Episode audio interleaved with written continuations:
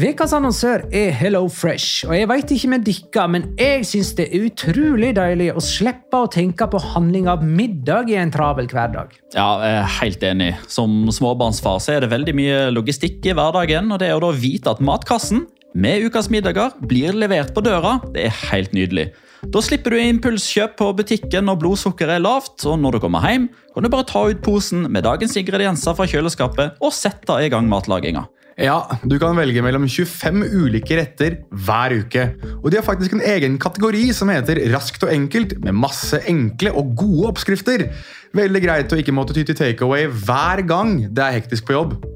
Jeg gleder meg spesielt til sterk chilikylling i min neste kasse. Jeg blir sulten bare av å tenke på det. Ja, Det er ikke feil med bacon og cheeseburger heller, da. Og det som også er bra, er at matkassen koster det samme hver uke, som gjør det enklere å holde matbudsjettet. Ja, og så blir det ikke matsvinn heller, fordi du får akkurat det du trenger til hver eneste rett. Hello Fresh kan absolutt anbefales, og bruker du koden vår, LIGALOCA, kan du få opptil 1779 kroner i rabatt på de fem første matkastene hvis du ikke har prøvd Hello Fresh tidligere. Du kan også prøve koden hvis du har avslutta abonnementet ditt for tolv måneder siden eller mer. Gå inn på hellofresh.no og bruk koden LIGALOCA. Bon appétit! Hallo? Jeg kommer fra Oslo politikammer. Ine Jansen er purk. Er du purk? The motherfucking bitch. Alt jeg vil, er å finne ut hva som skjedde med mannen min. Jon Carew. Er jeg sikta for noe? Iben Akeli. Det er du. Ole So, Lars Berrum og Big Daddy Karsten. Hvem sin side er du på, egentlig? Anette Hoff, Tone Danielsen, Kommer du fra Afrika? Jørnis Josef, Nesten. Kløfta. Trond Espen Seim. Det er synd å si det, men det var feil mann som døde. Purk. Premiere tirsdag på TV2 Play.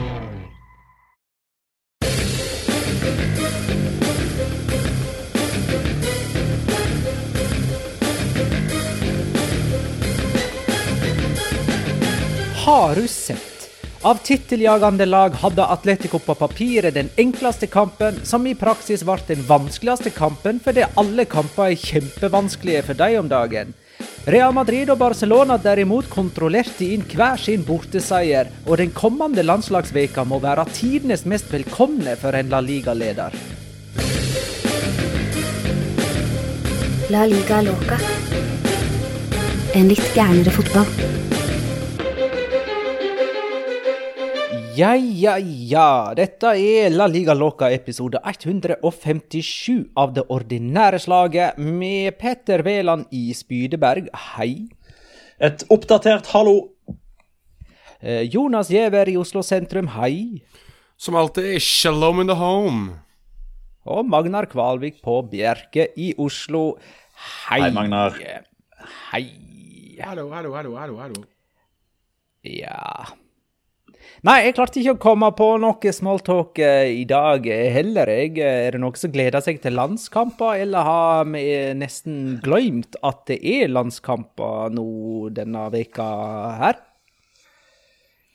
Jeg klarer å glede meg. Jeg syns eh, Jeg er jo en av de som faktisk ikke tenker at landslagspausene er så ille. Men det handler nok mer om at jeg gleder meg kanskje til et norsk landslag som ser spennende ut, og eh, Og så har jeg litt sånn Jeg syns det er litt gøy jeg, når du har sånn bingokamp nå, når du skal møte Gibraltar f.eks. Sånn Vinner de 10-0, liksom? Eller blir det bare 1-0 og fullstendig antiklimaks? Det er sånn ting som jeg fascinerer meg over, da. Jeg òg syns eh, altså disse landskampene som kommer nå, eh, de er litt bedre enn en tidligere. Altså Det er jo eh, blanke ark og nye tegnestifter. Alle starter med null poeng. Eh, det er ny kvalifisering, nye muligheter. Um, nye fjes. Ny landslagstrener. Ja, og noen nye fjes. eh, så dette gleder vi oss til. Og så rent sånn personlig òg, så jeg gleder meg til å kunne ha noen kvelder på rad under ei dyne for å se på Drive to Survive Formel 1 uten å vite at det er noe som skal oppdateres eller researches i løpet av noen dager. Det blir digg.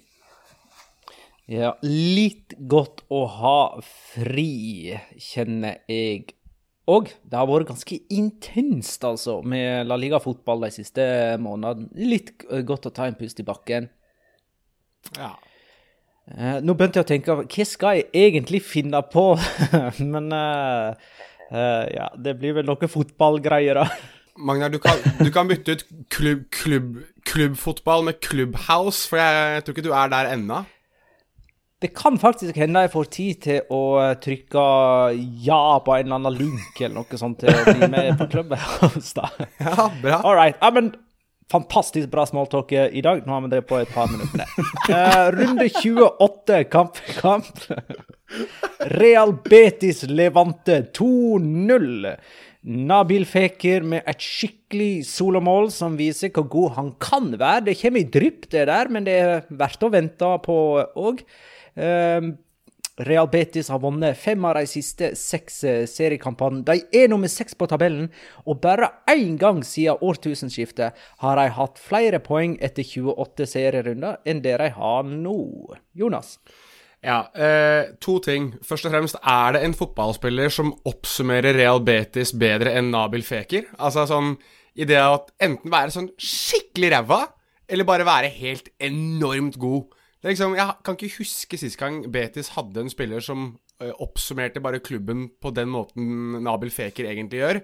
Og den scoringen her er jo uh, ja, Fekaradonna, liksom. Det er noe av det mest voldsomme jeg har sett. Og når da Modo Vasques tidligere i uka har det som kanskje var La Ligas vakreste mål den sesongen, så går jo Feker han en høy gang og bare gjør det, det han gjør. Men det jeg skulle egentlig Modo Vasques? Ja, Modo Vasques hadde jo for Sevilla mot Elche, så hadde han jo en hælklakk. De hadde jo hengekamp. Ja, men den var ikke pen, den scoren. Den var ikke en kandidat til årets mål. Hæ?! Han visste ikke hva han gjorde, og det gjorde ingen andre rundt okay. han heller. Det var en kjempe Det var tabbe av to Elche-spillere. OK, ja. Eh, da bare loggfører jeg det. At eh, tidligere hadde jeg Nordin Amrabat. Nå har du Franco Vasques. Det er helt greit. Eh, Franco Vasques er den nye Louis Moriel. Ja, det er riktig. Men eh, for å Ja, skulle Louis Moriel noen gang skåra for Sevilla, så var det på den måten der. Uten å vite noe som helst. Sånn skåra han alle sine tre mål for Sevilla.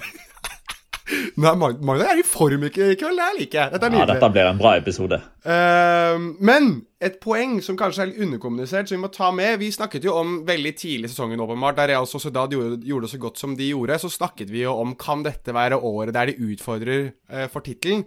Nå har Betis like mange poeng som Real Sociedad. Og det er et lag som vi har snakket om som en sånn evig underperformer. Så det er, det er, et interessant og ganske underkommunisert poeng hvor godt Betis gjør det akkurat nå. Det var det jeg ville ha fram. Og ikke minst eh, hvor mye cred vi nå etter hvert må begynne å gi Pellegrini. Altså, Det gikk jo litt i, i bølgedaler her. Vi snakka om en sånn lovende start der de holdt nullen litt i begynnelsen og, og så liksom ikke så hakkende gærent ut. Og så etter det så har det jo blitt sånn Ha-ha, vi trodde Betis kom på øvre halvdel igjen. Ha-ha, hvor dumme vi er. Ja. ja, ja, ja. Atletic Klubb Eibar 1-1. Eh, en ganske pen volley fra Juri Bercice sendte Atletic i ledelsen. Og så, hør på dette her nå. Atletic-spiller Onaid Lopez mottok ballen på Eibar sin banehalvdel og dribla seg inn på egen banehalvdel og førte ballen nærmere og nærmere egen mål, og idet han kom til egen 16-meter, mista han ballen til Kike, som utligna for Eibar. Om denne beskrivelsen høres rar ut, så se målet med egne øyne. Det ligger på uh, YouTube. Altså kan jeg, bare betyr... fylle på, jeg kan bare fylle på det apropos Unai Lopez mot Eibar. I det omvendte oppgjøret så skårer han sjøl mål. Og et eget mål. Ja, da skårer han i begge retninger, ja. Yes. Mm. Men dette var av virkelig av det spektakulære slaget. Én uh, seier på de siste 17 seriekampene nå for Eibar. Uh, ingen på de siste elleve. De ligger tredje sist. Uh, Atletic ligger så vidt på øvre halvdel, og to av de neste fire kampene deres er cupfinaler. Og da mener jeg det bokstavelig. Det er ikke sånn her Å, alle våre kamper nå i finaler. Det er faktisk to cupfinaler som, som kommer i løpet av de fire neste kampene deres. Celta Vigo Real Madrid 1-3. To nye mål av Karim Benzema, som òg serverte Ascencio, og leverte en ny strålende forestilling for det eneste spanske laget som fremdeles er med i Champions League. Eh, Benzema har skåra i sine siste seks kamper for Real Madrid. Ti kamper på rad uten tap for dem. Eh, de er i sin beste periode for eh, sesongen, faktisk. Skal vi snakke mer om det siden? Ja, det kan vi. Okay. OS skal Osasona 0-0. Eh, Oesca ligger helt sist med sine tre seire på 28 serierunder. Eh, Osasuna er nummer 13 og har skåra ett mål på de siste fem kampene. Jeg regner med at ikke du skal tilbake til denne, så jeg bare tar, uh, tar ja. det med. Uh, at det var jo en spiller som i hvert fall satt på benken igjen. Han spilte jo ikke, men nå er Chimi Avila tilbake igjen for Osasona, om enn ikke ut på banen riktig ennå. Så begynner det i hvert fall nå å se ut som at uh, en av La Ligas virkelige attraksjoner begynner å røre på seg igjen. Så det, de hadde jo en fantastisk sånn derre uh, comeback-video for Jimmy Avila og Sasona som de la ut uh, før de bekreftet kamptroppen sin mot Wesca. Så så er det verdt ja, den var fin. Å, ja, den var utrolig kul. Så er det verdt å holde et øye med, med Osasuna. Nå, nå, skal de virkelig gå, gå, på akkord med alt jeg sa nylig om at de er et ræva lag som burde rykke ned fordi de er dritkjedelige. Det var ikke vel overdose av patos i den videoen da. Uh, det virka jo som de hadde signert uh, tidenes stjernespiller til klubben, og så er det en som kommer tilbake fra skade. Han er jo det! Han er jo, men det er jo en ny signering! stjerne! Det er jo tidenes altså, Stona-spiller, det her. Det er, det er, ganske langt unna, egentlig, men samtidig I mitt hjerte så er det ingen større enn Chim Javlay og Sasona akkurat nå. Det er greit. Valladolid Sevilla 1-1. Eh, Valladolid er det eneste laget som har sluppet inn mål i alle sine heimekamper, og nå har til og med en keeper skåra mot dem på José Soria. Eh, Bono utligna nemlig for Sevilla på overtid, og han er eh, jo, han er den første keeperen på ti år som skårer La Liga-mål uten at det er på straffe. Sånn har jeg eh, forstått det. Han er den første keeperen i Sevillas La Liga-historie som skårer. Eh, og det er første gang i premierehistorien at to keepere skåra i en og samme sesong, etter at Dmitrovic òg gjorde det på straffe for Eibar mot Atletico Madrid. Og Roar med skarre R skriver Hva er gjengen sitt favorittmål skåra av en keeper? Oi uh... Uh, altså sånn Generelt i fotballhistorien så blir det jo eh, en del å velge mellom. Eh, men skal vi liksom sentrere det til La Liga eller spanske keepere? Nei, jeg tenker nok generelt. Og det må være et eller annet mål av Chilavert. Som frispark fra 25 meter i krysset i en av de kampene han skåra hat trick, eller noe. Ja, eller Rogerio Seni, eller René Gita. Jorge Campos. Jorge Campos hadde også et par, ja. Du hadde jo en del av de. Men ok, men uh, greit, masse i verdenshistorien. For et spansk lag, da, så tenker jeg at Andres Palop sin uh, står ja. veldig høyt i åttedelsfinalen mot uh, Sjakta Donetsk i 2007. For hva den har betydd i etterkant. Fortell litt mer om det, da. Nei, det var jo eh, Dani Alve som hadde et siste desperat eh, innlegg, eh, det var corner, i, i Ukraina. Borte mot Sjakta Donetsk i åttedelsfinalen i Uefa-cupen. Sevilla måtte skåre. Andres Palop ble med opp på dødball, akkurat sånn som Yasin Bono ble med opp på lørdag kveld.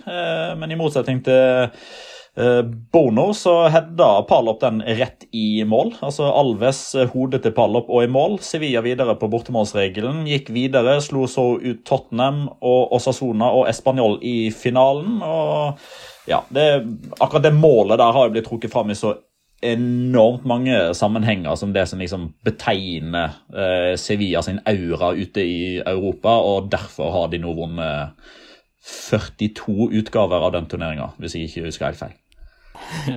Niklas Kobb skriver Hvor mange YouTube-puns klarer dere på Bono i løpet av 40 sekunder? Ja, det ble jo en beautiful day for Sevilla til slutt, da. Yes. Nei, jeg, jeg, blir ikke med. Nei, jeg, Petter, jeg tar meg en kaffe Petter, og hører på, jeg. Ler du oppriktig nå, eller altså Altså, jeg, jeg, føler ikke at jeg skader mitt eget rykte uh, ved å si at det, disse her Bono-vitsene er ikke min humor. Jeg, jeg klarer Nei. ikke å bli med på det. Nei, det er, det er, langt mer nede i mi gata, men eh, når Jonas begynner nå, så setter jeg meg til rette og så nyter jeg kaffe i de 40 sekundene. Det er jo pga. at jeg er litt usikker på andre sanger som Bono har vært med Altså, Petter, jeg kommer til å lage disse vitsene her with or without you, så du får bare, bare Sånn er det. Sånn er det. Ja, det er bra. Det er bra. Ja, ja, det er greit. Det er godt at vi er enige, for at eh, sammen så er vi one når det kommer til de tingene her. Så det er bra. God damn, du har klart tre stykker i løpet av disse 40 sekunder, du nå, Jonas. Ja, du skulle tro at det var Sunday Bloody Sunday, de greiene her. Nei, den funka ikke. Nå nå må du gi deg. Da kan du eh, Det bare tok Den er Roar sin. Det bare tok den en tid. Det var helt uten sammenheng. Sånn. Ja, jeg vet det var bad. eh, Det var bad. Eh, Det er en Michael Jackson-låt. Det er også en Jeg tror også det er en U2-låt, skal jeg være helt ærlig. Magnar, Kan vi gå videre?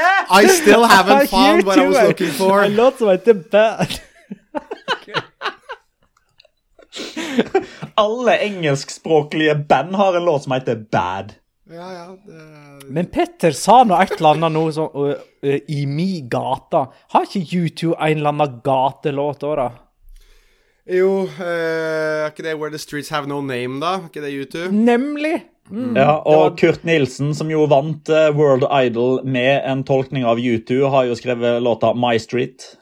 Ah. Han Nå må vi gi oss, altså. Nå drar vi det langt. Ja, Ja. Men nå, nå, har de, nå er de 40 sekundene ute. Ja. Retafe Elche 1-1. Én seier på de si... Hva? Nei, Nei. eh, ja. Retafe Elche 1-1. Én seier på siste ti serier. Altså, grunnen til at jeg ler, grunnen til at jeg ler, grunnen til at jeg ler Jeg må få sagt det. Dette må stå seg. Grunnen til at jeg ler, er for at vi går fra det at uh, vi sitter og har U2 og Bono-puns til Retafe Elche. Det er liksom Det er veldig store sprik her mellom kontrastene, syns jeg. Men bevares. Gå videre. Én seier på siste ti seriekamper for eh, Getafe. Her hadde de vunnet dersom Angel ikke hadde bomma på straffe i det 84. minutt. Elche-keeper Edgar Badia redda straffe for tredje gang denne sesongen. Um, Elche starta denne sesongen med å vinne sine første to bortekamper. Siden det så har ikke de vunnet noen av de påfølgende 13. Valencia Granada 2-1. Valencia vinner og taper annenhver kamp nå, avhengig av om de spiller hjemme eller borte. Slik har de vært de siste seks serierundene. Og ja, Valencia er på tolvteplass.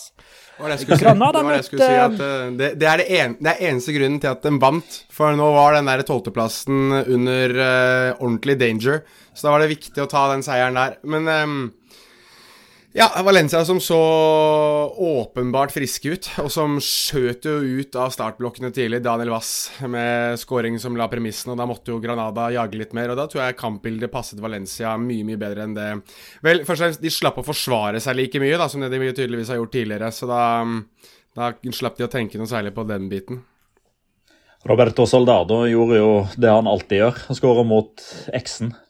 Han har, er det 22 eller 23 mål nå han har mot sine tidligere klubber? og Det er jo ja, det er La Liga-rekord for lenge siden, kan- eh, og den stopper jo ikke med det første. Har ikke han spilt for en del klubber, da? Altså, det er ganske må- Jo, Det er jo en del av ligninga her. Det er jo absolutt at Han spiller jo mot sin tidligere klubb i annenhver kamp. Ja, det er det som er poenget. Eh, Granada møter Manchester United i Europaligaen, noe som må eh, være litt av en nedtur etter all adrenalin de fikk av å trekke Molde i eh, forrige runde. De, de, dette må jo være ganske mer sånn alvorlig, da. Stort for Granada, liksom. Møte United på Los Carmenes og Nei, det blir kanskje ikke på Los Carmenes, når jeg tenker meg om. Men de får nå reise til Nei, det blir neppe det. Det gjør de. Det gjør de. Og det er nok det største her. Det er nok det, det som jeg tror eh, For veldig mange spanske lag så ser man alltid det, det der med å få spille på en av eh, fotballens høyborger, da. Altså en katedral i europeisk fotball. Det er sånn som man snakker om gjerne i spansk presse. Og det tror jeg betyr mye for et lag som Granada. At det på en måte blir en understrekning av, eh, av hvor langt de har kommet som klubb. At de nå spiller på på stadioner som Old Trafford. Da. Så det er nok en, eh, en enormt viktig Et høydepunkt i klubbens historie. Og så um, er det vel så at jeg tipper Manchester United ikke akkurat sitter og tenker at det var den verste mulige trekningen for deres del. Og Granada mest sannsynlig sitter og tenker at her har de absolutt alt å vinne. Og så får vi se om det blir litt sånn som Atletic gjorde i 2011-2012, eller om det blir litt sånn som Celta Vigo gjorde i 2016-2017. Hva er oddsen på at uh, minst tre engelske aviser kjører et ordspill på uh, Jorge Molina, Roberto Soldado og Granddads istedenfor Granada? Nei, jeg tror, ikke, jeg tror, jeg tror du får en 1,20 der, kanskje. Ja, jeg tar deg. Ja, ja. Mm. eh, det, vi er nå egentlig fortsatt litt inne på Valencia her, da, siden det var de som møtte Granada nå denne helgen. Så jeg tar dette spørsmålet fra Kim. Rykker Valencia ned fortsatt? uh, og jeg tror svaret er nei. De er faktisk ti poeng over Nei, jo, ti poeng over nedrykksstreken nå, Valencia. Så Ja, vi skal ikke, vi skal ikke være for sikre, vi skal ikke være for sikre men, eh, men, men kan jeg få ta en ting som det er verdt å ha loggført, i det minste? Og det er jo det at denne kronprinsen nå av Johor, han har jo sakte, men sikkert begynt å trekke seg litt tilbake igjen nå. Han har jo snakket om at det eh, Han er jo veldig glad i å svare på ting på Instagram, og hadde jo en sånn storyrekke der han lot folk stille spørsmål. Og da var han jo åpen og sa at han har vært i diskusjoner om å kjøpe en del i Valencia, investere i Valencia, men at har nå, de har nå um, å si, seilet på et skjær, og at det er visse problemer nå med å få den avtalen i land. Uh, I tillegg til at uh, han også var veldig sånn på at Peter Lim er den beste personen for Valencia, og grunnet han så har Valencia ikke gått konkurs og, og Så jeg jeg blir sittende og lure litt på om dette her var et form for luftslott. altså. At man skulle få opp eh, humøret litt til Valencia-supporterne, og så har man nå da kommet til et punkt der det kanskje ikke var så mye sannhet i det likevel. Um, en interessant tese, i hvert fall. Det virker jo nesten som at denne prinsen av JH trodde Valencia bare var et sånt, eh, ja, et sånt vare. Et sortiment som man bare kunne gå inn og legge inn bud på, og så få det akseptert, og så var det hans. Eh, og uten å ta stilling til at det faktisk må gjennom veldig mange prosesser før det faktisk blir en realitet. Vært litt mer av papirarbeidet enn han satte satt pris på. Eh, det ble, det sånn ble mange store ord med mange store forbokstaver. Dette også sier altså takk og farvel. Ja. HRH, J, et eller annet. Det er jo His Royal Highness of your er, er vel det han heter, tror jeg, på Oi. Twitter. Så det er faktisk, Ja, det var det er store, det er faktisk store bokstaver hele veien i, eh, nei, i Instagram-navnet hans, Magnar. Så der tror jeg du Jeg vet ikke om du mente det, men du traff helt riktig. Ja, Det var vel mer dette med var det ikke sånn Empire og litt sånn som sto med store Jo bokstaver. og... Han skulle ha et fotball empire, han. Ja, Eh, stemmer det. Og det var masse honor og soul og heart i det prosjektet der, og alle de store ordene hadde store forbokstaver midt i setninga. Fin fyr. Uh, Villarreal Cádiz 2-1. Uh, Gerard Moreno skåra 1-0-målet og assisterte Bakka til 2-0. Han fortsetter i samme tralten, uh, og Villarreal har vunnet fire offisielle kamper på rad. De slo Dinamo Kiev i begge oppgjør i Europaligaen. Eh, Europaligaen da, og møter Dinamo Zagreb i neste runde. Heldige med trekningen da, Petter? Ja, det var nok ikke det verste ubåten kunne trekke. Det var nok eh, Manchester United og Arsenal. Eh, Roma er nok òg et lag de ville ha styrt greit unna. Ny tur til, blir ny tur østover. Altså det, det er klart at Når du spiller mange sesonger og dermed mange kamper og har Unai Emery som trener, så vet du at du skal sette deg på et fly og spille en Europaligakamp, da må du gjerne ta turen østover. Men nå begynner det å bli enormt få eh, hovedsteder slash eh, store byer i Øst-Europa som Viadial ikke har besøkt. Det De er for øvrig kommet til åttedelsfinale i Europaligaen, bare sånn at det er sagt. Mens kvart eh, Altså i Champions League så er man jo kommet til kvartfinale. Eh, Eh, så, nei, det er, det er kvartfinale nå. i Ja, det er det! Mm. De har klart å hente det inn igjen, ja. Med, med to eh, kjappe Hengekamper, vet du. Mm. Nå, nå, er, nå er Europaligaen og eh, Champions League à jour. Alt er i vata vater nå. Alt er i vater. Alle lag har spilt like mange kamper i La Liga, og man skulle ikke tro at man kom dit noen gang, men eh, sånn, sånn er det blitt. Valencia Eh, nummer tolv. Ja. Og Atletico, de vinner 1-0 eh, mot Alaves. Eh, Luis Suárez eh, skåra jo null mål i eh, Champions League, og Atletico er ute derfra. Men her fikk de jo se en særs viktig La Liga-seier, og Suárez skåra sitt 19. mål for sesongen. Han har skaffa Atletico 17 poeng med skåringene sine. Eh, Jonas? Her synes jeg at du Jeg så kampen i opptak i dag, og eh, her synes jeg du har, eh, Magna Kvali, kanskje det aller, aller beste poenget av alle.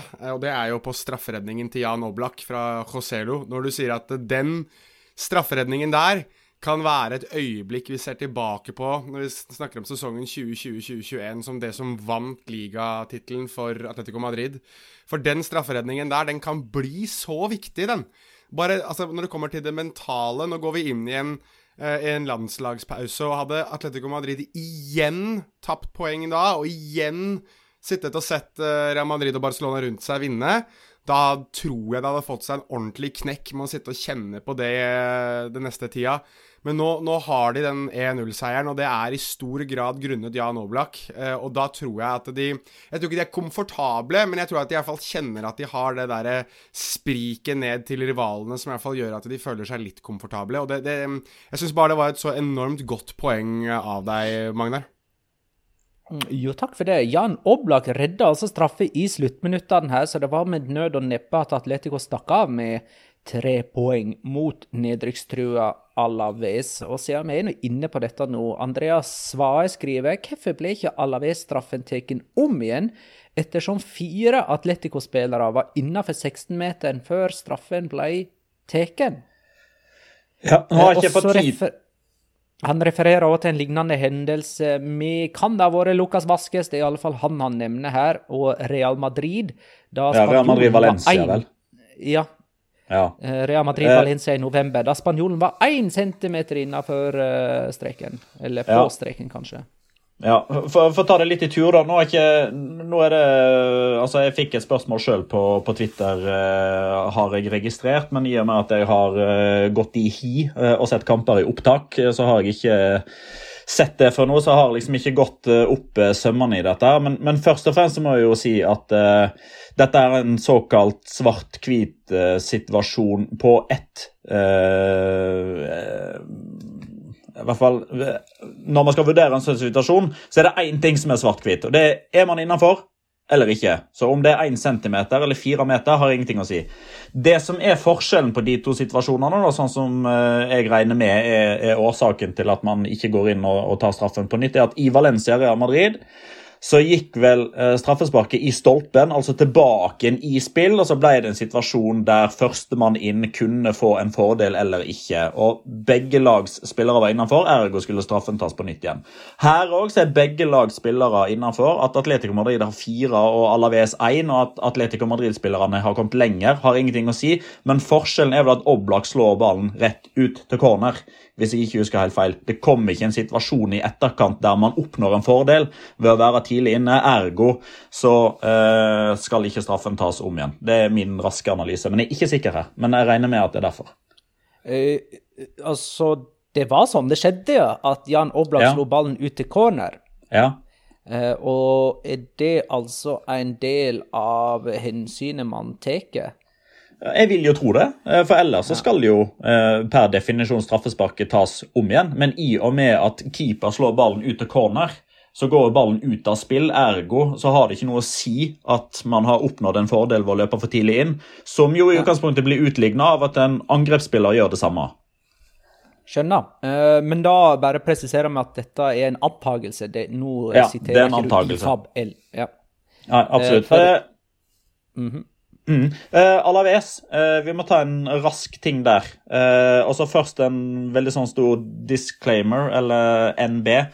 Dette er ikke verifisert. Dette er rykter, på samme måte som at det går rykter om at han og han skal sparkes. og Derfor må vi ta det opp, fordi det, det er ganske heftige greier, eh, egentlig. Um, I uh, Clubhouse-episoden vår på fredag så nevnte jeg så vidt uh, at det var dårlig stemning internt i Alaves, og at man ikke helt hadde fått greie på, på hva det var. Alaves kom jo med en, en pressemelding på torsdag i forrige uke, var det vel, der de varsla rettslige steg mot de som, eh, mot, eh, ja, mot de som viderebrakte rykter som ikke hadde noe rot i virkeligheten. og Det var kjempestemning i Alaves, og Pito var verdens beste trener. Det var ikke måte Alt var bra i, i Alaves. Eh, nå har det kommet ut, som sagt, ikke verifisert. Eh, det er ikke bekrefta, men det er visstnok eh, utroskap ganger to som skal være årsaken til at det er dårlig stemning. Det er to forskjellige spillere som visstnok skal ha hatt det moro med eh, jeg vet ikke om det er kona eller forloved eller kjæreste, men den bedre halvdelen til to andre spillere. Derav den ene eh, involverte kvinnelige parten er dattera til sportsdirektøren. Eh, og eh, det eh, var jo bl.a. årsaken til at eh, en spiller som vanligvis eh, pleier å være i troppen, ikke var i troppen eh, i går. jeg skal ikke nevne navn her. Jeg skal ikke nevne navn på noen av dem. men det er fryktelig dårlig stemning i Alaves, visstnok. Hvorfor vil ikke du nevne navn når det er ganske opplagt hvem som var ute av troppen av disse eventuelle årsaker? ja, du kan mene at det er åpenbart hvem det er. Ja, Det må jo være Lucas Perez, da. Eh, for jeg forsto ikke hvorfor han ikke var i kamptroppen til Alaves. Ja. Ja, uh, ja det, han var ikke i troppen i går, nei. Stemmer det? Nei, men altså, Alaves har jo men, meldt at de skal gå til rettslige steg mot de som bringer videre sånne rykter osv. Så men altså, har man sagt A, så må man sagt B. Uh, og i og med at jeg snakka om det på fredag, og det nå kommer uh, konkrete navn og årsaker til dårlig stemning, så Måtte bare sjekke oh, ja. om, eh, om var Daverson i troppen? Ja, det var han. Jeg var litt Daverson, Daverson satt der. Jeg var litt stressa. Jeg begynte å lure jeg begynte å lure et øyeblikk om uh, Icardi hadde blitt aller best. uh, og bare sånn da, Det kan godt hende at vi har noen svenske lyttere. John Gidetti er ikke en av dem. Han er ikke noe Nei, han var faktisk han rapportert som skada. Ja. ja. han er skada. Mm. Ja. Han har det kjempebra sammen med Sanna. Uh, for det, det, må, det, må, bare sies her, da, at det, det var liksom én spiller som var ute av troppen uten at de klarte å finne opplysninger om hvorfor. Nå veit du.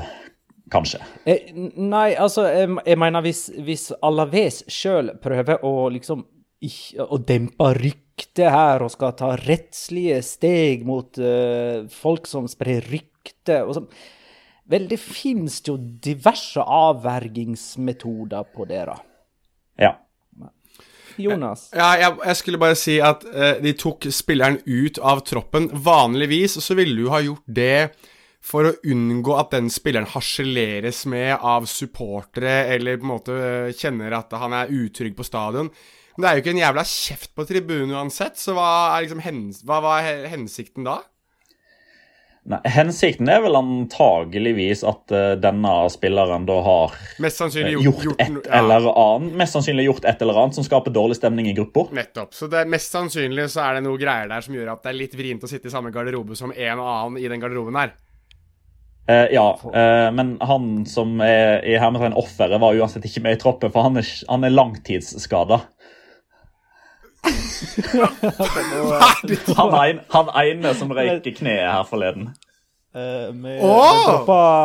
vi, vi, får vel skåne noen navn, kanskje. No, uh, ja. Men får vi en telefon fra Alaves sine advokater nå, eller? Jeg vet ikke. Hvis det kommer et, uh, hvis det kommer en telefon med pluss 36, så skal jeg ikke ta den, iallfall. Velkommen, velkommen til Exxon Victoria Beach med programleder Petter Wæland. Men eh, da, da, bare hopper vi videre og later som dette ikke har skjedd. Men det er jo én kamp vi ennå ikke har nevnt. Eh, Real Sociedad Barcelona 1-6. Eh, et eh, vanvittig resultat. Det er eh, Real Sociedad sitt eh, største heimetap på 21 år. Og gjett hvem som vant 6-0 på Anoeta i 2000? Jo, det var Barcelona. Hmm. Barcelona har nå 18 strake seriekamper uten tap. 15 av de Eh, har enda med seier. Eh, dette var Messi sin Barcelona-kamp nummer 768. Ingen har noen gang spilt så mange kamper for klubben, og det er vel bare rett og rimelig at han tok den rekorden òg. Eh, nå er vi inne i den delen av episoden der vi går mer i dybden, selv om vi gikk veldig i dybden på Atletico Alaves her eh, allerede. Vi kan ta et spørsmål her fra Tobias Storeste Dale. Kan noen av dere begrunne faglig hva som har skjedd med Barcelona? Uh, Anna enn systemendring, hva tror dere har skjedd med det relasjonelle? Ja, skal vi prøve? Det er jo interessant. Ja, men, men, jo, det er det, men skal mm, Jeg tror vi skal ha med systemendringen i ja, ja, åpenbart. Åpenbart. Uh, altså, jeg, jeg, tror ikke man kan uh, Jeg tror uh, sjøl uh, en, en, fagmann som Lars Kjernås hadde garantert kommet med tre punkter som han mener er viktig, men jeg tror ikke han hadde sagt at det er derfor. Eller det er derfor. Alt dette henger sammen. Ja. Den, den, viktigste men, årsaken Men skal vi bare bli enige om hvilken formasjon de spiller? Skal vi si spiller de 3-4-3 eller 3-5-2? 3-4-3, skal vi si det? 3-4-3 sier jeg i hvert fall, sånn som jeg ser det. Ja, jeg, ja, jeg er um, enig i det. Kan man ja. godt si at det er 3-5-2 òg, fordi Messi ofte dropper såpass dypt at han er lavere enn Griezmann mm. og Dembélé med ball. Men uh, det blir uh, dikkedare. Um, formasjonsendring, en åpenbar uh, årsak. Uh, men den mest åpenbare årsaken er at Messi er god. Uh, Messi er fryktelig god. Og da er det så veldig mye lettere for alle andre i Barcelona å være god i tillegg. Uh, en annen ting som heller ikke er det Tobias etterspør, men som må med i, i miksen her, det er at det er masse unge spillere som har fått rutine, erfaring, uh, opplevelser i type positive som de bygger videre på, som gjør at de vokser som mennesker og spillere. Og plutselig så ser man igjen et eksempel på selvtillit og relasjoner. Når det sitter, så sitter det. Når det ikke sitter, så sitter det ikke. Så enkelt og greit kan fotball av og til være, som jo egentlig er en veldig forenkling, fordi fotball er komplekst osv. Eh, Ferskvare er det også. Ja, ja hei, Joakim, ja. Er du med? God episode på Heia fotball med han for øvrig. Anbefaler alle å høre den. Sånn kan det gå videre. Absolutt. Eh, nei, men Da kan jeg spille ballen eh, videre, for nå har jeg kommet med mine overordna. Og så skal jeg eh, godt være med å gå ned i materie òg, men er dere enig i dette? Nei, er det andre ting jeg har glemt? Nei, Jeg er veldig enig, men jeg syns det er én spiller som er igjen litt underkommunisert i hvor god han har vært nå, og, og, og hvor god han har vært over lengre tid. Osman Dembélé. Altså, Han har gitt det Barcelona-laget der noe helt eget ved det å være en, en spiller som ser, ser, etter rommene bak forsvaret, mer enn at han prøver å jakte mellomrom og få ball i beina og skal være så effektiv med ballen i beina. Han spiller en mer sentral rolle der han får lov til å bestemme seg litt selv om han skal gå på, på venstresida eller høyresida, bytte posisjon en del med Griezmann, og er en som konstant vil Eh, strekke Forsvaret bakover. Og hvis, ikke, og hvis, Forsvaret ligger dypt, så klarer han alltid å finne et rom og åpne opp et rom for enten Messi eller Griezmann. Det ser man ved flere anledninger. Og Hvis ikke han klarer det, så er han god til å spille på såpass få touch at han enten kommer seg til en avslutning eller klarer å spille opp en medspiller. Så du har liksom ikke spillere som er avhengig av å ha ballen veldig mye i beina for det å få ting til å fungere. Og da har du eh, det jeg liker å kalle balldominante spillere i, uh, i, uh, i Griezmann og, og, Messi. Og så har du spillere som ikke er like balldominante i Osman Dembele i det angrepet. I tillegg til det så har du en midtbane som da er støttet opp av, det, av den Trebekslinja bak dem, som gjør at de ikke trenger å ha like mye defensivt ansvar. Og det passer f.eks. Sergio Busquets veldig, veldig godt, tror jeg. Det gjør at han kan ha mer kontroll på hvordan han skal styre spillet framover i banen, og, og, gjør ikke at han må bruke for mye energi på det å skulle uh, løpe etter spillere som passerer ham, for der er det en, et trehodet troll som banker inn i det som er rundt dem. Så, så, i den formasjonen så er det en del spillere som, som nå kommer mer til sin rett. Og det um, og Hvis vi snakker om det relasjonelle, så må vi også si det at det, jeg tror det har hjulpet veldig å ha en type som Ronald Coman, som ikke er redd for å stå i stormen. Han har stått i ganske mange stormer, altså, og veldig ofte så har det ikke fungert så veldig bra. Men her virker det som at han har sett at ok, her må jeg være pragmatisk, her må jeg nok være mer nederlandsk enn jeg er spansk. Og faktisk finne roten til problemene og endre det eh, kanskje på en måte som anses som upopulær, og så får man ent, får enten bære eller briste. Jeg tror at Koman har vært i en sånn situasjon nå hvor han har skjønt det at han er kanskje ikke Laportas eller uh, Bartomeos førstevalg sånn egentlig, og da må han bare gjøre det han kan, og da, da tar du større risk, og da får du større reward. Um, Og det, det, det må gi, Vi må nesten gi Koman en del skryt nå, syns jeg. For han har faktisk turt å gjøre ting jeg ikke tror andre Barcelona-trenere, og da nevner jeg i fleng eh, Ernesto Valverde og Kikki igjen, eh, ville ha gjort sånn egentlig. Kanskje ikke Chavi heller. Men en 3-4-3, det er jo Koman, det systemet Koman spilte i under Cruyff i en periode òg. Så det er et system han kjenner til. Så, så nei, jeg um, syns det er spennende. Eh, Serginho Dest skåra jo to mål eh, her, og spiller jo på den ene vingbekken, må vi jo nesten eh, si. Det har vel litt å si, det er jo at man truer fra begge bekkene. Det er jo ikke bare Jordi Alba som fosser ned langs den ene sida og, og, på en måte strekker motstanderen ut brettet. Gjør Serginho Dest òg. Ja, absolutt. Jeg føler Dest jeg håper jeg, fyller to av de uh, hva skal jeg si, uh, store linjene som vi trekker i begynnelsen her, med at han har fått mer erfaring. Han har lært sine lagkamerater å kjenne, og omvendt.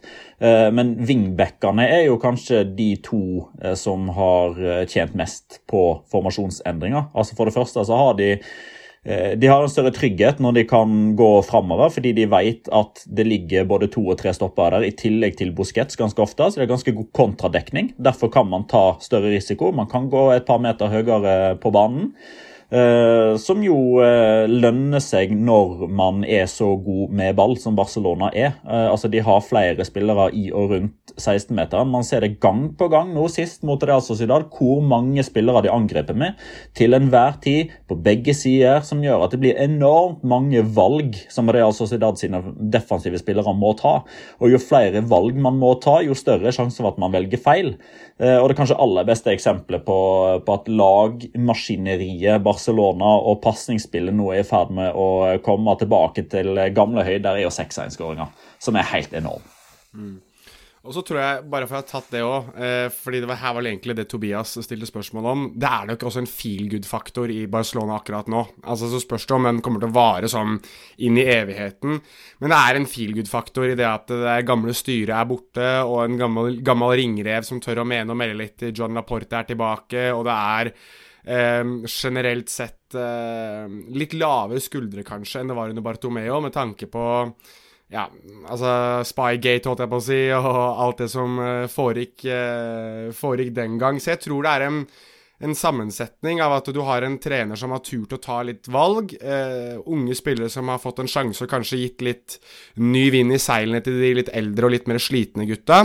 Og det at du, du, du har uh, et styre og en ledelse nå som kanskje spiller mer på lag enn på motstanderlaget enn det tidligere styret gjorde. Så det er uh, mange ting som har blitt gjort for å i hvert fall få fram det potensial som åpenbart har eksistert i det Barcelona-laget her i lang tid. Og så er jo Frenkie de Jong én av tre bak. Har ikke Koman gått uh, i motsatt retning av den evolusjonen av Frenkie de Jong som han sjøl annonserte? Skulle ikke han lenger fram på banen og være mer en offensiv trussel?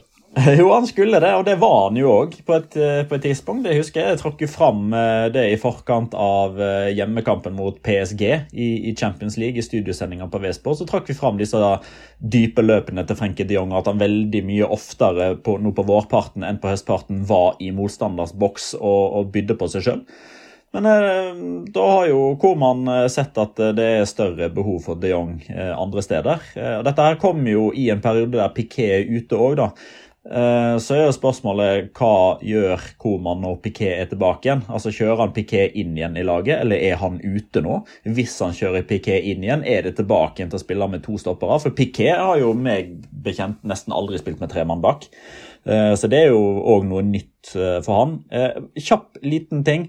Nevnte Desto Alba som to som ser ut til å tjene på dette. her. En annen som tjener litt på det, syns jeg er jo Sergio Busquets. Fordi når han har tre stoppere bak seg, og ikke bare to, så blir altså tempoet hans defensivt blir mindre eksponert. Altså blir, det kan godt hende at han like ofte nå løpes fra. Nå har han én mann ekstra til å dekke opp bak seg. Og så har jeg lagt merke til en ting nå i, i loggføringa av Barcelona sine skåringer. Nå er Busquets enormt ofte tredje, fjerde, femte sist på ballen. Og den pasninga han har til Messi på 2-0, eller 3-0, er det det? 3-0, vel? 2-0. Den pasninga gjennom til Messi der Mwah! Ja, den er fin, den. Uh, Messi har fire gule kort. Uh, jeg så Sist, jeg fikk et Hæ? Jeg syns det var rart. Altså, han hadde Altså, her hadde han tidenes mulighet til å pådra seg det mest åpenbare Tarjeta Forsadaen, som på samme vis hadde vært naturlig å forstå. Ikke pga. at han da hadde vært suspendert mot Valladolid og klar til El Clásico, for det hadde vært sånn typ, ja, men her skal han få en ekstrakampskarantene, sånn som eh, Hvem var det som fikk det? Ogo Giamon eh, fikk jo det tidligere. Men her hadde jo Messi den perfekte unnskyldning til faktisk å gjøre det i den kampen han blir tidenes mestspillende alene for Barcelona. Ja, men dra nå på deg ei skjorte under der det står 768 kamper, eh, x antall mål, og så vipp han av når du scorer, da, mann! Sånn at du soner karantene mot Valladolid og er tilbake mot El Clásico. Eh, Mathias Sundfjord spør er tiden med Tarjeta for Sada forbi. Eh, for han så Frenkie de Jong prøvde febrilsk mot slutten i denne kampen mot Lareal, men det var litt sånn halvhjerta sammenligna med hvordan det har vært tidligere sesonger. Og kan det ha sammenheng med denne her Ugo Guillamon-episoden fra tidligere? Det har nok det. Ehm, spesielt i sånne situasjoner der man vet at hvis man blir tatt, så er jo faktisk straffen at man står over den kampen man ønsker febrilsk å spille. Uh, så her syns jeg egentlig forbundet har, eh, ser ut som en foreløpig vinner, men jeg vil ha det loggført igjen at konsekvensen av dette her kan jo være at i stedet for å ta sånne taktiske gule kort eller sånn drøying av tid eller lett protest eller stå ta et innkast 14 ganger før man setter ballen i spill, og litt sånt, så kan man komme i situasjoner der man rett og slett har bestemt seg for at det gule kortet skal jeg ha. Trykke til for mye i en takling, og så ligger spilleren eh, på eh, the receiving end, og så er han ute i fire uker. Messi har enten skåra eller assistert, eller begge deler, i de siste 14 seriekampene til Barcelona. På de siste 14 eh, kampene så har han er dette riktig? 18 mål og 8 målgivende. Altså 26 målpoeng på de siste 14 seriekampene. Nesten to målpoeng i snitt per kamp. Og Sebastian lurer på om vi starta denne sesongen med å lage et veddemål om Messi kom til å skåre 20 mål denne sesongen her. Det tror jeg ikke vi gjorde. Uh, det jeg har notert ned av veddemål vi gjorde, eller har gjort i løpet av denne sesongen med Messi, det er f.eks. sånne ting som er, er dette å ha siste sesong i Barcelona, der mm. jeg svarer ja, og Petter og Jonas svarer nei.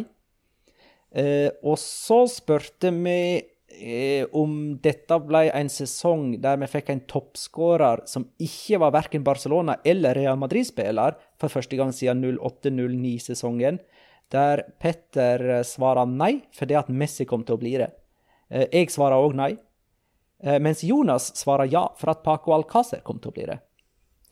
Syns du det var litt morsomt å ta opp igjen den, da? Ja, ja greit det. Det er greit, det. Jeg hadde vel kanskje ikke håpet på han, men Josef Nesiri var selvfølgelig mitt valg.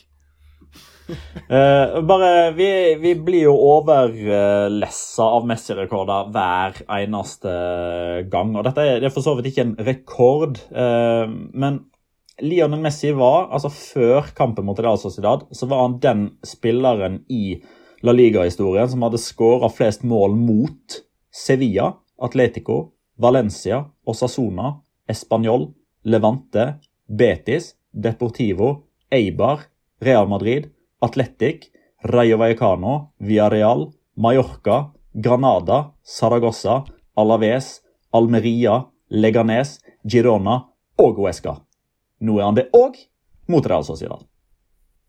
Jonas, ja, du, du, stilte litt spørsmål rundt statistikk denne sesongen her, Magnar. Og det, jeg skrev litt om det på Twitter uh, tidligere i dag, så jeg kan ta det veldig kjapt. Og uh, i 2021, altså uh, kalenderåret 2021, har han spilt 19 kamper. Han har 19 mål, 8 målgivende. Han har spilt 1628 minutter. Det betyr at han har et mål eller en assist hver 1,42 kamper. Altså Eller 1,42 Uh, herregud, det ble feil. 1,42 mål eller assist per kamp blir riktig. Uh, og så har han da mål eller assist hvert 60,29. minutt. Altså, det, det, det, er helt sinnssyke tall. Uh, det er ikke ting som Spesielt ikke med alderen tatt i betraktning, og, og, sånn som han holdt på i 2020, så skal jo ikke det her være mulig. Men med Lionel Messi så skal jo liksom ingenting være mulig lenger heller, men det er jo fortsatt mulig fordi det er Lionel Messi. Han har totalt da, han har totalt fått ta det 37 kamper denne sesongen her, og 29 mål, 13 målgivende. Det er en dårlig sesong av Lionel Messi, visstnok. Og Atletico Madrid er altså fire poeng framfor Barcelona, og nå har disse like mange kamper spilt. At, eh, sa jeg Atletic? Eh, jeg mente Atletico Madrid, eh, hvis eh, det kom feil ut. Eh, Atletico røyk vel ut av, eh, av, Champions League mot Chelsea fordi Chelsea var bedre på det Atletico Madrid tradisjonelt har vært gode på. De røyk ut av Champions League fordi Chelsea var bedre på alt? Ja, eh, og det, de var gode på ting som Atletico pleide å være gode Det var sånn som Atletico pleide å vinne, eller komme til Champions League-finale på før. Eh, eh, og så er deres to Deres neste kamper, de to neste kampene til Atletico, det er borte mot Sevilla og Real Betis. Jeg bare nevner det. Um, og så skal vel ikke Luis Suárez spille noe for uh, Uruguay uh, i denne landslagsveka som kommer. Så han, han får jo to ukers ferie. Uh, og det er vel flere med han som gjør det, og som virkelig, virkelig trenger det. Mm. Um, Real Madrid de slo altså Celta Vigo på Balla Idos, og Karim Benzema skåra to mål og la opp til det tredje, og Fredrik Sjøvold skriver er det bare å erklære Benzema som kongen av Spania og tidenes beste franske nomini. Big game, Karim. Ja, du sa det sist gang. Sier det igjen. Hver gang. Men har det, har det vært en bedre fransk nomini i spansk fotball? Han Har ikke han skåra like mange mål som det Santiana gjorde nå? Er ikke han liksom oppi de legendenavnene på eh, statistikken sin? Jo, han er nummer fire nå i Real Madrids sammenheng. Eh, og det er ingen franskmenn eh, foran der. Det er jo heller ingen franskmenn foran i La Liga sånn generelt. Altså, Den som jo er nærmest, er jo Antoine Griezmann i form av antall skåringer, men han er jo ikke en, en nummer ni. Men er det noen Altså, er det noen jeg tenkte veldig kjapt nå, i min levetid Jeg kan ikke huske at det har vært noen fransk nummer ni sånn i det hele tatt. Altså Det har enten vært uh, sjuere eller åttere eller tiere, men det er liksom frans, franskmenn og spisser. Er det, det er jo ikke en greie, det. David Tressegé, han, var, han hadde kjempesesong med Hercules, da. Fantastisk sesong med Hercules. Ja, det blir gjerne sånn definisjonsspørsmål med nomini og det der. Da. Men du hadde jo Henri i, i Barcelona, f.eks. Men uh, han mm. gjorde jo ikke så, mye, så, stort inntrykk over så lang tid, da, kan du si, som ja. Benzema har gjort. Nei, men altså, jeg eh. tror vi kan sette to streker under det svaret, altså, med at eh, Benzema er den beste franske nummer ni i spansk fotball gjennom tidene. Ja. Jørn Henland skriver er Vinicius den spilleren som minner mest om Robinho? God og dårlig om hverandre i løpet av én kamp med fantastisk teknikk og briljanse, men nærmest null sluttprodukt. Å, det er så bra analyse og konklusjon. De, de kunne vært brødre, Robinho og Venicius junior, eller? Om, om, ikke det var så stor aldersforskjell på dem. Ja, Brasil, jo, men, ja. Det kunne fortsatt vært mulig. Det er tross alt Brasil. Ja. ja. Hvor mange år er det mellom de, da? 14? 15? Jeg tror jeg, jeg, tror jeg er 16. Jeg, jeg er ikke Robinho 36 eller noe sånt, da, og så er vel Venezia 20, tror jeg. Tror jeg. Ikke Robinho eldre enn 36, altså. Det kan godt hende. Han var jo Nei, Venezio er jo født i 2000, men er jo ganske seint i 2000, så han er vel fortsatt 20. Nei, vet du hva, Robinho er faktisk 37. Han er født i 85. Så der har du det. Ja. Ja, fortsatt var det ungt. Men han var jo på sitt aller beste som 16-, 17- og 18-åring, og så begynte han å falme. Ja, kan du godt si det. Ja. Men eh, jo, vil ikke du snakke litt om Real Madrid da, Petter? Eh, for eksempel eh, det at de skal møte Liverpool i Champions League. eller? Ja det, ja, det, ja, det må vi jo absolutt innom. Nei, altså det, det jeg tenkte på under den kamp for kamp-varianten, var faktisk ikke Real Madrid-relatert, men Celta Vigo-relatert. Det er egentlig bare et, et, faktum. Fordi vi, vi hauser jo Aspas når han er god, så vi må gi han litt ris òg når han ikke er god. Åtte kamper på rad nå uten skåring. Eh, det er den lengste rekka han har hatt etter at han returnerte fra, eh, fra tida i England. Og nettopp Liverpool! Hei, der har du overgangen! Ja. Hvem er det som skal ta corner for Liverpool nå, sier jeg? ah. Men eh, er det sånn å forstå at Liverpool er favoritter i det dobbeltoppgjøret der, eller? Jonas? Ja, jeg så Jeg uh, satt jo og dekket det her da, da trekningen gikk, og gikk gjennom litt av spanske medier sa, blant annet, om, om Liverpool. Uh, og det som gikk igjen der da, var det at dette er ikke et Liverpool-lag som skremmer Real Madrid, sånn som det er akkurat nå. Altså, det er ikke det er Liverpool-lag med kvaliteter, ja, men det er ikke det Liverpool-laget som vant Premier League, og det er ikke det Liverpool-laget som vant Champions League. Det er et Liverpool-lag som man kan slå. Um, og da er jo spørsmålet betyr det at de er store favoritter, Real Madrid, eller betyr det at de er ganske jevnbyrdige, Real Madrid og Liverpool? Jeg er med på den siste der, at jeg tror det er ganske jevnt med to lag som har ganske tydelige styrker, men også ganske tydelige svakheter.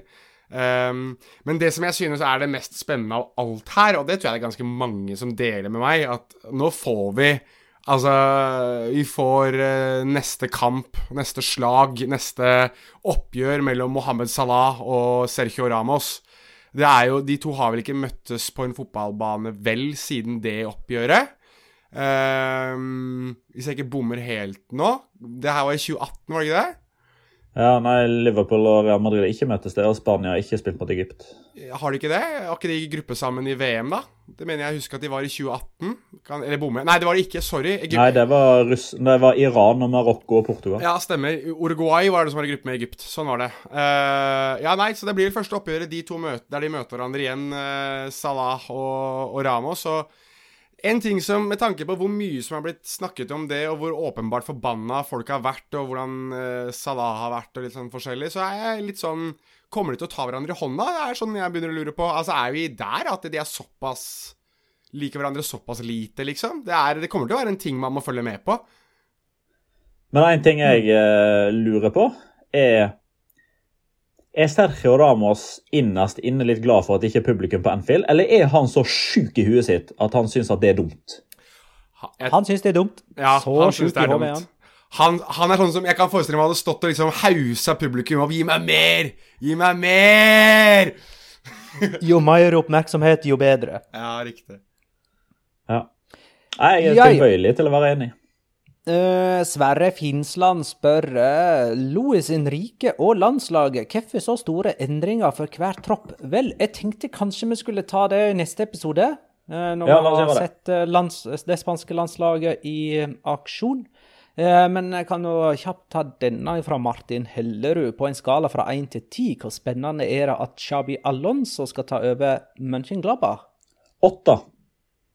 Ni. Åtte og en halv. Ja. Da, ja. Men ligger ganske tett rundt i samme sjiktet der. Hvem av dere er det som driver og plinger eh, på Messenger, som gjør at det blir med i opptaket? Meg er det ikke. Uh, jeg er på flymodus. Nei. OK, jeg burde vel kanskje ha satt uh, min telefon på mute.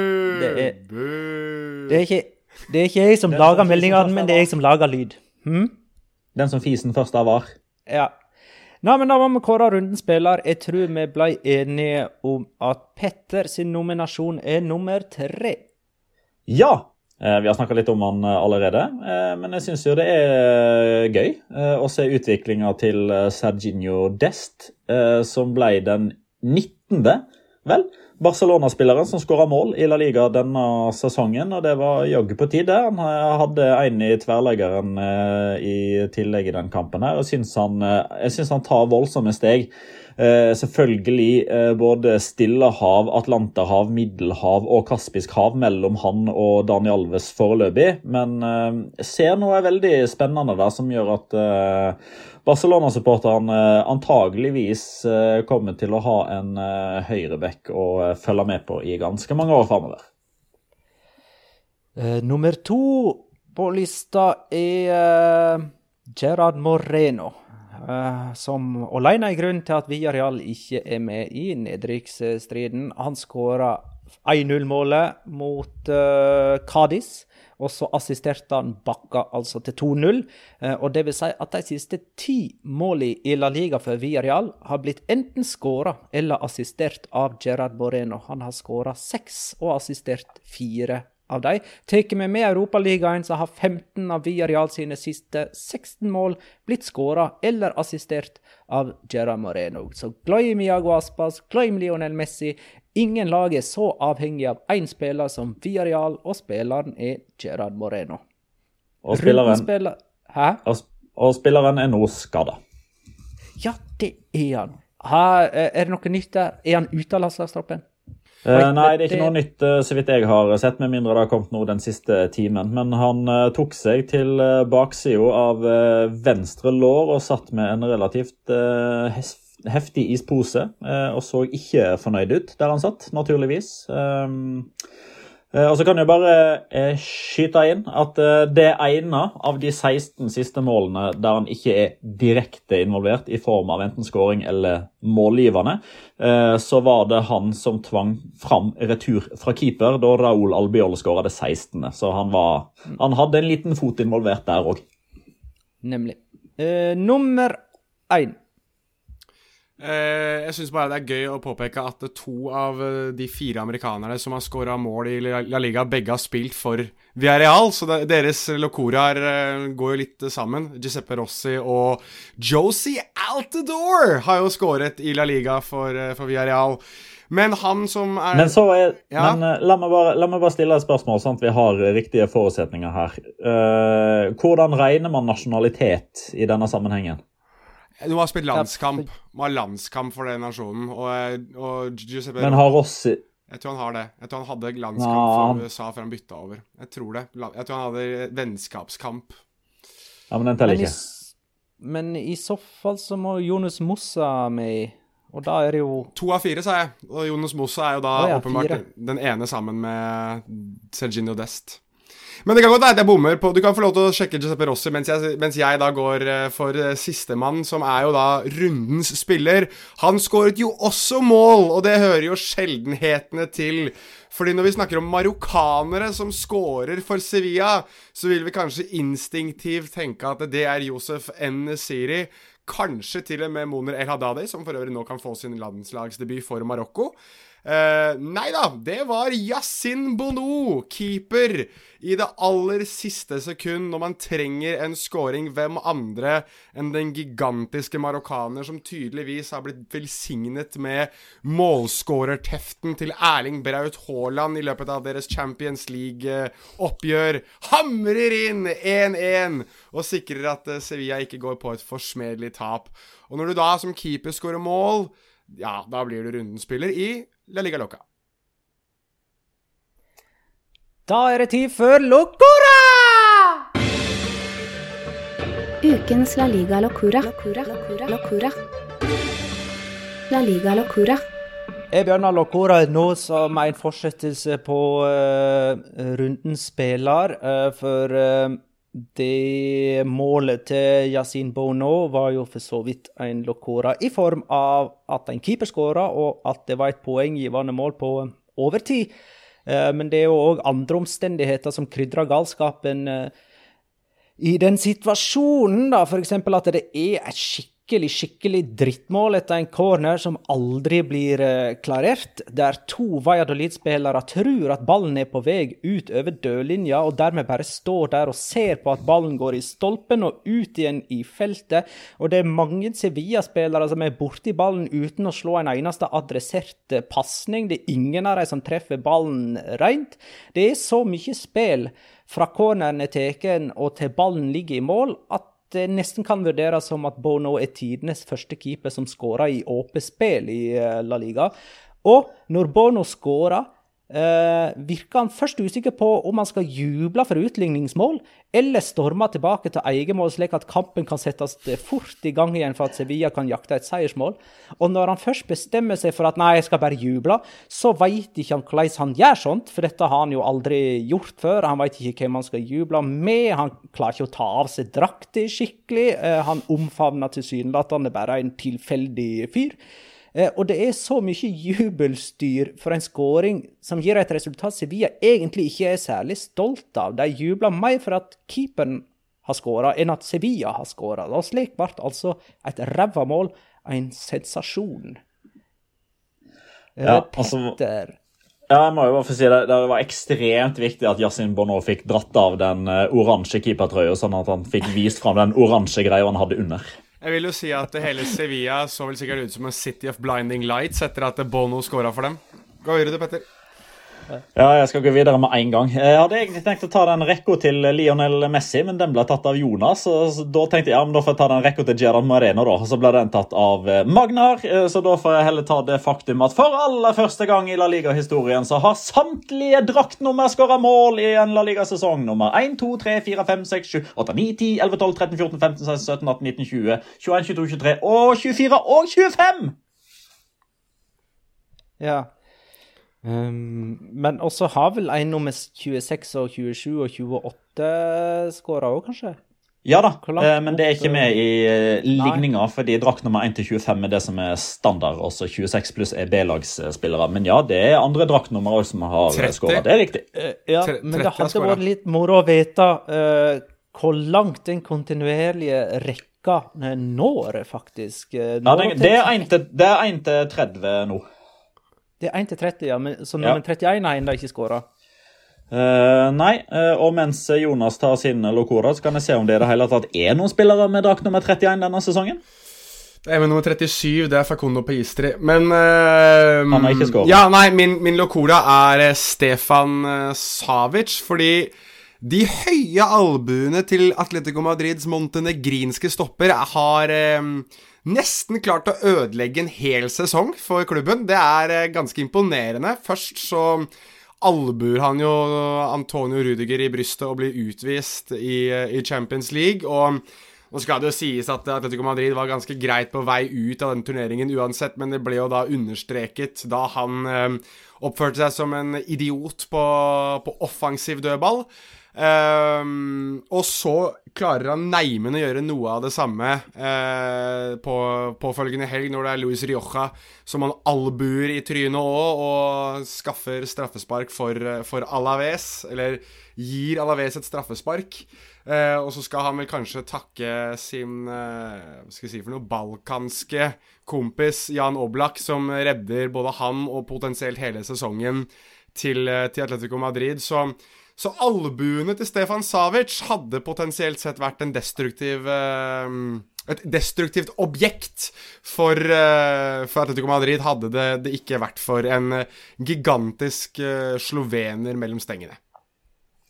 Bare knyte de to eh, listene som ligger ledige foran oss her. Eh, Giuseppe Rossi har aldri spilt landskamp for eh, USA og regnes som italiener, Jonas. Okay. Og spillere med drakt nummer 31 som faktisk har fått spilletid i La Liga-sesongen 2021, er Sergio Cobero i Eibar, Guillermo Molina i Valencia. Det er forsvarsspillere. Vi stryker de fra ligninga, så jeg legger all min vekt på deg, Gabriel Veiga i Celta Vigo. Eirik Sandum skriver at det er lenge siden det har vært en oppdatering på sekund, sekunder nå. Eh, og det har sammenheng med at det har ikke vært landslagsveke på lenge. Det er først og fremst da vi tar de oppdateringene. Men jeg kan jo nevne at Español ikke leder Segunda nå. De er nede på andreplass. Mallorca toppa.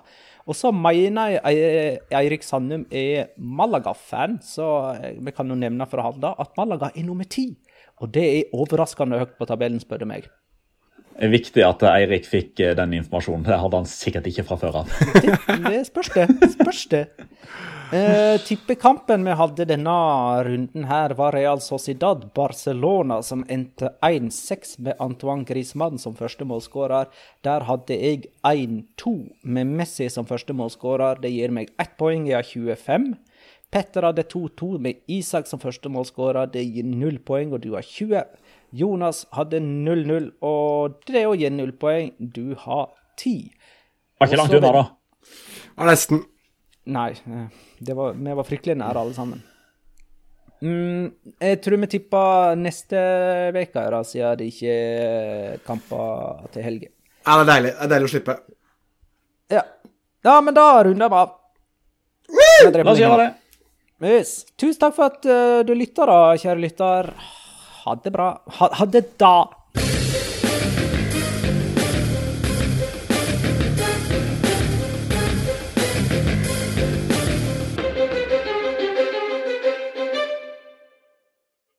Har du et enkeltpersonforetak eller en liten bedrift? Da er du sikkert lei av å høre meg snakke om hvor enkelt det er med kvitteringer og bilag i fiken, så vi eh, gir oss her, vi. Fordi vi liker enkelt. Fiken superenkelt regnskap.